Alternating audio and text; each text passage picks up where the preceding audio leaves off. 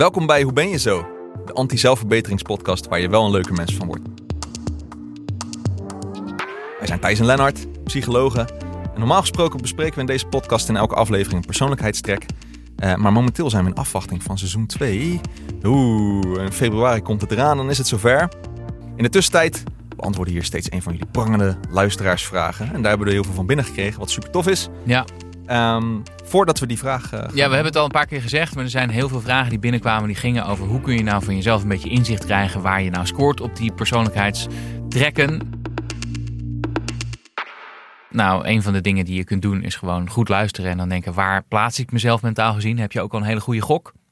Maar er zijn ook vragenlijsten die je kunt invullen. Uh, er zijn een aantal Nederlandse um, die ofwel in de klinische setting gebruikt worden, ofwel misschien niet zo heel goed zijn. Dus daar zijn we niet zo'n fan van. Al kan het wel een beeld geven. Um, waar uh, Lennart en ik um, wel fan van zijn, is de internationale vragenlijst. Het is dus wel Engelstalig, die je kunt vinden op understandmyself.com krijgen we niet, uh, we hebben er geen aandelen bij of zo. Ze, ze, ze sturen niet eens een terug nee. als we ze een e-mail sturen. Maar, uh, maar we, die, is, die is wel redelijk goed en uitgebreid. Kost een tientje ongeveer. Uh, 10 dollar geloof ik. Um, en dat is een, een leuke manier om van jezelf wat meer inzicht te krijgen. Moet je wel even voor gaan zitten. Um, maar heb je een soort mooi, mooi overzicht. En je kan hem zelfs ook nog aan je, aan je partner koppelen. Zodat je ook de verschillen tussen jullie in je relatie Wat ziet. super cool is. En in show notes van andere afleveringen kun je ook nog gratis versies van allemaal uh, persoonlijkheidstesten kijken. Dan moet je die beschrijving openen bij een aflevering op Spotify of dan zie je anders. Dan hoeveel dingen daar staan en, en alle dingen die ik heb ingevuld. En, uh, ja, precies. Goeiedag man. Ja.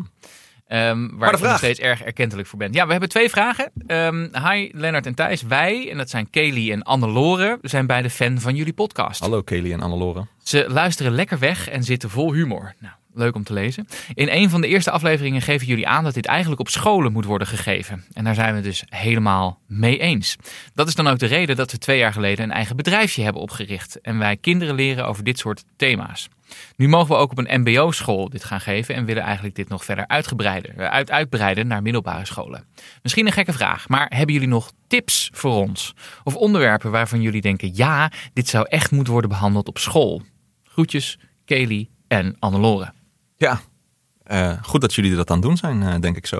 Denk heel belangrijk. Um, en ja, tips. Jemig, ja, nou ja, ik, kijk, ik vind, wij, wij allebei vinden psychologie natuurlijk uh, heel erg boeiend en interessant. Dus eigenlijk allemaal verschillende ja, psychologische onderwerpen, waaronder ook persoonlijkheid, is denk ik hartstikke tof. Dus ja, hoe werkt gedrag? Maar ik denk ook zeker op school, hoe zit het met motivatie? Hoe kan je jezelf motiveren? En misschien ook hoe kan je een beetje goed plannen om je huiswerk af te mm -hmm. krijgen en dergelijke. Dat kan ook nog wel eens helpen op scholen. Ja. Uh, maar ook, ja, wat doet je sociale kring met jou? En uh, hoe word je beïnvloed door andere studenten? Bijvoorbeeld meegaan in roken of niet, of alcohol drinken. Ja. Uh, ik denk dat dat, dat wel interessante thema's zijn. Zelfbeeld, ja. natuurlijk. Ja. ja, ik heb me hier een tijdje geleden in verdiept toen ik een boek aan het schrijven was um, over mentale gezondheid en ook wat we daar maatschappelijk gezien aan kunnen, kunnen doen. Ik ben wel echt een groot pleiter voor, voor meer um, psychologische vaardigheden en meer veerkrachtles op school.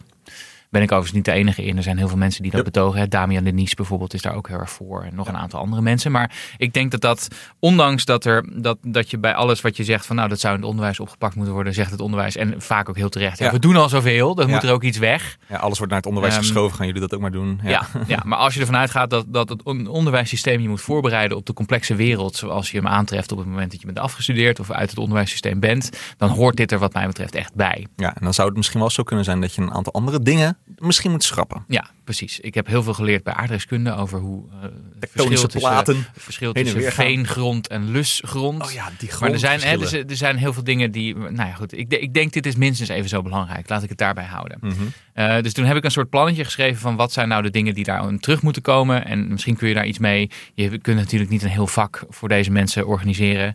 Um, maar wel misschien iets vanaf de zijlijn doen of met, met workshops of met onderwerpen doen. Ja, ik zou zeggen waar het, waar het onder andere over gaat is je eigen emoties leren kennen. Mhm. Mm -hmm. Snappen wat je emoties zeggen. Snappen dat je niet alleen maar blij hoeft te zijn, maar soms ook best boos mag zijn. Of hè, dat een beetje verdrietig zijn er af en toe ook bij hoort. Ja. Ondanks wat je allemaal ziet van de shiny happy people op je tijdlijn, zeg maar. Um, maar ook snappen hè, wat het verschil is tussen, tussen je een beetje verdrietig voelen of een beetje in de rouw zijn en depressief zijn bijvoorbeeld. En wanneer het goed is om hulp in te schakelen. Ja.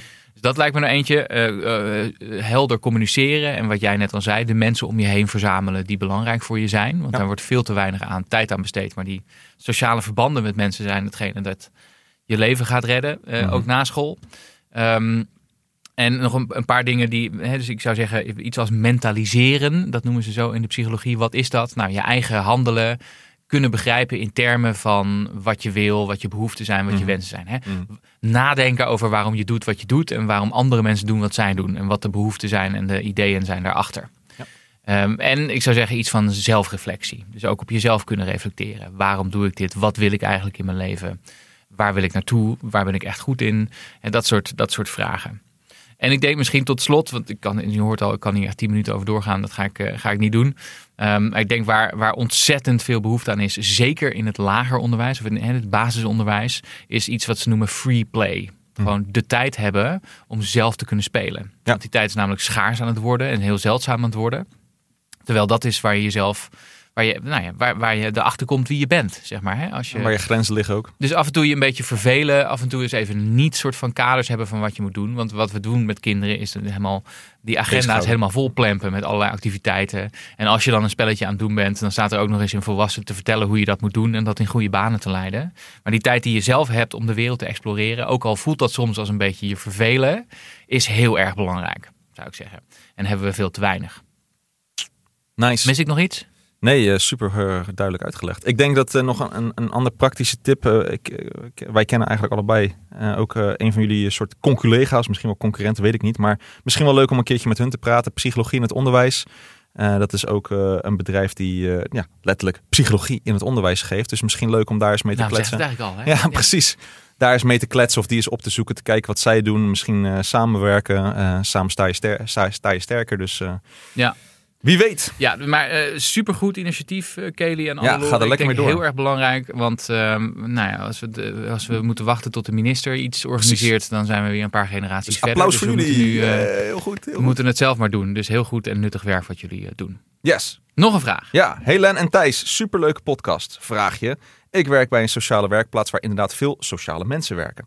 Het valt mij op dat er relatief veel mensen uitgevallen zijn met burn-out. Kan dit aan de persoonlijkheid, vriendelijkheid of agreeableness liggen doordat zij liever andere mensen helpen dan dat zij aan zichzelf denken? Ja. Groetjes Danny. Ik denk dat ik Danny ook ken. Hoi Danny. Hoi Danny, hallo. Leuke ik, vraag. eh, dit is inderdaad een hele goede vraag. En ehm, ik, ik ben daar in mijn werk redelijk veel mee bezig. Met het burn-out eh, vraagstuk. Ehm, en eh, vaak, het, ondanks dat je kunt afvragen wat is burn-out precies. Mhm. Laten we die discussie even links laten liggen. Ja. Waarom vallen mensen uit van hun werk vanwege de stress? En we hebben de neiging om daarnaar te kijken vanuit, vanuit een arbeidsorganisatie, psychologie, blik. hè. Het gaat over werkdruk. Mhm. Maar eigenlijk gaat het natuurlijk om veel meer van veel meer. Mhm. Eh, onder andere over wat je persoonlijkheid is. Ja. Ik zou zeggen, ehm, hè, dus we weten ook uit onderzoek dat de, de, de sectoren waar burn-out veel voorkomt, zijn bijvoorbeeld zorg en onderwijs. Nou, hoe komt dat? Volgens mij mede, nou ook door regeldruk en zo, maar ook wel mede doordat daar veel mensen werken die dus hoog scoren op agreeableness. Ja. Met andere woorden, die heel erg kijken naar wat hebben de mensen om me heen nodig? Wat kan ik voor andere mensen doen? Waar is behoefte aan? Wat moet ik gaan doen? Ehm, en, en pas in de laatste plaats denken over wat heb ik zelf eigenlijk nodig. En de, de vraag is dan natuurlijk, wie zorgt er eigenlijk voor jou? Hè? Dus als jij de hele tijd voor iedereen aan het zorgen bent, wie zorgt er dan voor jou? Dus dat is denk ik eentje die, die wel, over, hè, dus die wel een, een rol speelt.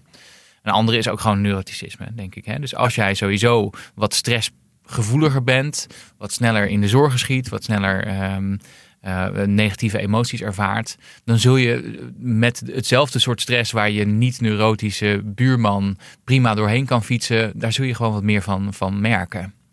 Dus ik denk dat dat ook wel meespeelt. De andere persoonlijkheidstrekken weet ik niet zo zeker. Nee, het zijn, het zijn van denk ik voornamelijk die twee. En dan in die combinatie ook. Hè? Ja. Dus eh, nou ja, zeker kijk, hoger neuroticisme maakt. En het kan ook zijn dat als je bijvoorbeeld heel hoog op conscientieusheid scoort, op werkdrift, dat je dan altijd maar doorploetert. Ja. En dan ook in een soort werkverslaving terecht Ja. kan komen, wat uiteindelijk ook Nou kan leiden tot een, ja. tot een, Oh, tot een burn-out. Eh, maar dan moet je ook, ook Als nog de taak altijd voorgaat, ook voor zelfzorg, Ja. wat bijvoorbeeld bij conscientieusheid heel hoog conscientieus zijn kan gebeuren, ook dat is een marker volgens mij voor, voor burn-out risico. Wat je ook nog zou kunnen denken, een beetje stretchen, is dat als je introvert bent, je minder makkelijk een, eh, eh, eh, op kan laden van groepen mensen om je heen. Je dan in, met heel veel groepen, kan dat veel stress veroorzaken. Wat uiteindelijk ook weer, maar goed, dat is een beetje een stretch. Eh, dus die werkdrift 1, het niet goed voor jezelf zorgen 2. Maar vooral neuroticisme moet Ja. wel wat aan de hogere kant zijn. Wil je nou ja, meer kans hebben op een burn-out. Ja. ja, dus je trekt het je ook vaak wel aan Ja. dan. Hè? Heb je, Dus heb je nou hele hoge werkdrift en ben je ook heel erg hoog agreeable, maar je scoort net als ik een 0 op neuroticisme, dan is de kans dat je in een burn-out vervalt is een heel stuk kleiner. Ja, ja. Dus een burn-out, daar kom je in terecht op het moment dat je vergeet om, om, om de dingen te doen die voor jou ook belangrijk zijn. Hè? Dus de gezonde eh, gezondheids, mentale gezondheidsdingen. Waarom vergeet je dat nou? Omdat je overmatig zorgen maakt om dingen. Of omdat je pas in de laatste plaats naar jezelf kijkt. Dus dat is wel degelijk een risico voor mensen die dat hebben. Die overigens die prachtige persoonlijkheidstrek hebben. Dit is wel een beetje het risico ervan. Het is ook belangrijk dat als je met dat soort mensen samenwerkt, dat je ook eens eh, kijkt wat hebben zij nou nodig en dat ook echt probeert uit te trekken. En ook hun erop wijst dat ze ook vooral aan zichzelf moeten denken voordat ze voor een ander kunnen zorgen. Ja, Je zuurstofmaskertje bij jezelf, voordat je het bij de ander doet. het is zo'n cliché hè, maar hij klopt wel heel erg. Dus dat- Oké. Thanks Danny. Goed, nou dat was hem weer. We gaan snel door met het volgende seizoen. Ehm, dit waren de QA's voor nu. Heel leuk dat jullie ons hebben bedolven onder allerlei vragen. We hopen dat we er een paar hebben kunnen eh, beantwoorden. Volgende week zijn we er met een nieuw seizoen. We gaan persoonlijkheid verder uitdiepen. Tot volgende week. Woehoe!